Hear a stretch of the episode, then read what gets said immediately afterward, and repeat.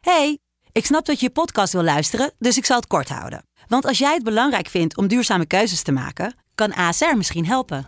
Nou hoor ik je denken, hoe dan? Nou, bijvoorbeeld bij het duurzaam herstellen van schade. Of de premies die we beleggen volgens ons duurzaam beleggingsbeleid. Dat bepaalt waar we wel en juist niet in investeren. Wil je meer weten over welke duurzame keuzes ASR maakt? Ga dan naar asr.nl slash duurzame keuzes. ASR doet het. Zo, dan kan je nu lekker naar je podcast luisteren. Hey, ik snap dat je je podcast wil luisteren, dus ik zal het kort houden. Want als jij het belangrijk vindt om duurzame keuzes te maken, kan ASR misschien helpen. Nou hoor ik je denken, hoe dan?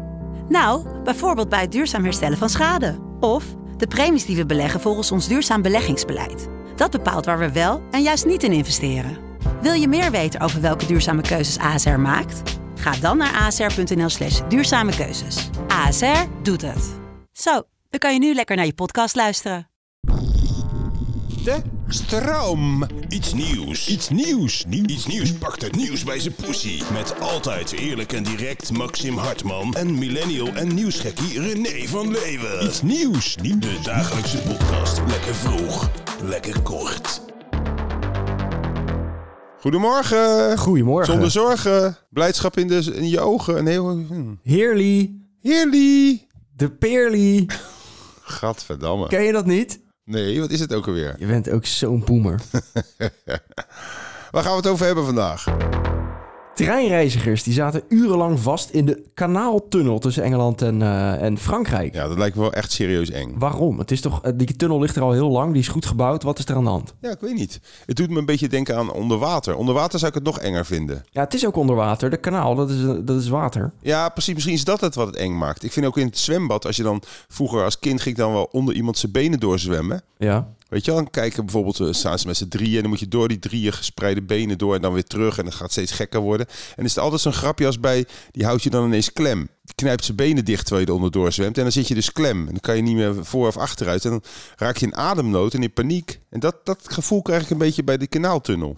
De trein was dus gestrand, het bedrijf weet niet waarom. En mensen moesten lopen naar een volgende trein door een reservetunnel, zeg maar. Dan heb je dat altijd, hè? Je weet helemaal niet hoe die tunnels zijn. Je denkt altijd, nou, dat is één of twee banen... maar er zijn altijd nog extra banen. Ik vond het een beetje overdreven gebracht als een soort horrorfilm. Het was 10 minuten lopen, las ik even later. Het was gewoon licht, het was lucht. Nou ja, maar goed, we, we hebben er ook behoefte aan sensatie af en toe.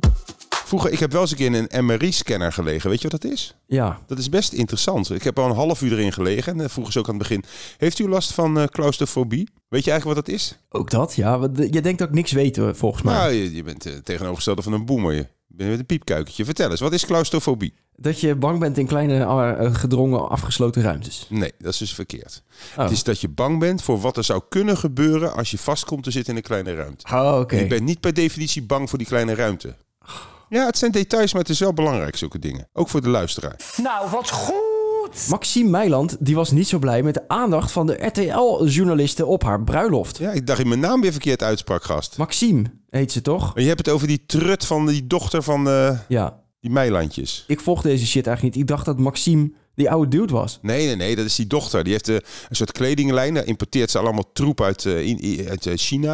En die doet ze dan net of ze het zelf heeft ontworpen. En dan vaak ze daar fucking veel geld voor. Net zoals Yvonne Kolderweijer. Maar die baalt er nu van. Ja, die baalt er dus van dat eh RTL Boulevard onaangekondigd en ook onuitgenodigd daar eh, opnames heeft gemaakt. Ja. En ja, wil je het hele verhaal weten? Toen, toen heeft de ceremo- Nee, ik weet genoeg. Kijk, en ik wil echt niet mijn oude werkgever RTL Boulevard, waar ik gecanceld ben. Nee, dat is niet zo. Maar die wil ik echt niet gaan verdedigen hier. Maar ik bedoel, Maxime Meiland is wel de laatste die moet gaan zeiken. Want die hele kutfamilie van haar, die, die, die belt zelf met de roddelrubriek als ze weer een of andere kutwijntje of kutsjaaltje moet promoten of kinderkleding. En als ze dan eh, een bruiloft hebben, willen ze het privé houden. Op, op 36 camera's van die kut reality show zelf. Nou, Ja. pleur eens even lekker op. Dat is gewoon de prijs die je betaalt. Als je reality share be- eh, ster wil worden. Nou, gefeliciteerd dat het gelukt is met zo weinig talent. Hou dan gewoon je bek als de camera's staan. Als je, als je trouwt of als je dood bent. Kom op zeg. Zelfs Maxime Meiland heeft toch recht op een privé? Nee, Die mag toch zelf bepalen wat er wordt gefilmd? nee. Dat heb je niet meer. Ik heb toch ook geen recht op privé. Ik, als ik op Lowlands eh, kom, wil ook iedereen met mij op de foto. Dan ben ik niet eens eh, zo- zo'n reality ster. Dat is nou eenmaal de prijs die je betaalt als je bekend wordt. Daar heb je ook heel veel aan te danken. Dus dan moet je niet janken. Holland Casino maakte 8,2 miljoen euro winst, zeg ik uit mijn hoofd. Ik heb het niet opgezocht. Ja, iets van 8 miljoen winst las ik. Maar hoeveel was de omzet? De omzet was 353 miljoen. Nou, dat is toch best wel slecht. Ik heb dat even zitten uitrekenen. Ja. Kan jij een beetje de staart delen? Ne- nee, ik kan wel hoofd rekenen. Nou, 350, zeg 350 miljoen, dat is de Ja. omzet. Wat is dan 1%? 3,5. Ja, precies. Als je 3,5 maal 2 doet, zit je op 7. Dus hebben 8, Ja. hebben ze een, k- tussen de 2,5, Ja. tussen de 2 en 2,5 procent winst. Wat is, dat voor, wat is dat voor een winstpercentage? Serieus.